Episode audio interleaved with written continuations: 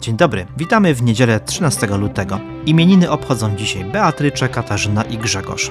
Słońce wstało dziś o 6.46, a zajdzie o 16.52. Dzień będzie trwał 10 godzin i 3 minuty i będzie dłuższy od najkrótszego dnia w roku już o 1 godzinę i 55 minut.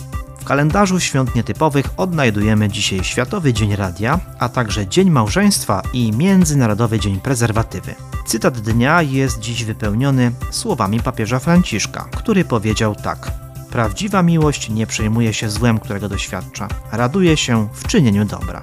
Rozpoczynamy serwis informacyjny. Sobota wypełniona była zmaganiami sportowców. Młodzi koszykarze juniorów MKS-u Gorlice rozegrali kolejny mecz w ramach swojej ligi. Ich przeciwnikiem była ekipa z Limanowej. Po bardzo wyrównanej potyczce musieli uznać wyższość przeciwnika z Zamiedzy, który wyszarpał im zwycięstwo rzutem za 3 punkty w ostatniej sekundzie spotkania. Ostatecznie w meczu MKS-u Gorlice z MKS-em Limanowa padł wynik 67 do 68 dla przyjezdnych. Wieczorem do boju ruszyli siatkarze Gorlickiego GKPS-u. Po pierwszym przegranym secie udało im się odbudować swoją grę i wygrać kolejne trzy partie. Trzeba przyznać, że zrobili to w sposób koncertowy. GKPS Gorlice Skawa Wadowice 3 do 1. Zapraszamy do obejrzenia relacji z obydwu tych wydarzeń.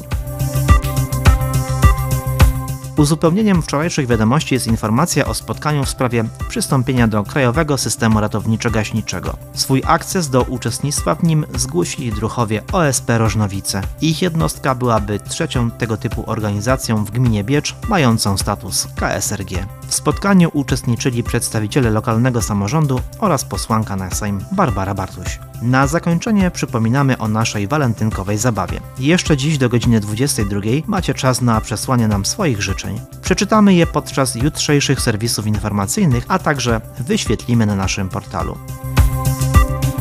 To już wszystko na dziś. Dziękujemy za wysłuchanie tych krótkich wiadomości. Miłej niedzieli życzy Państwu Tomasz Stasiowski i redakcja portalu Halo Gorlice Info. Do usłyszenia.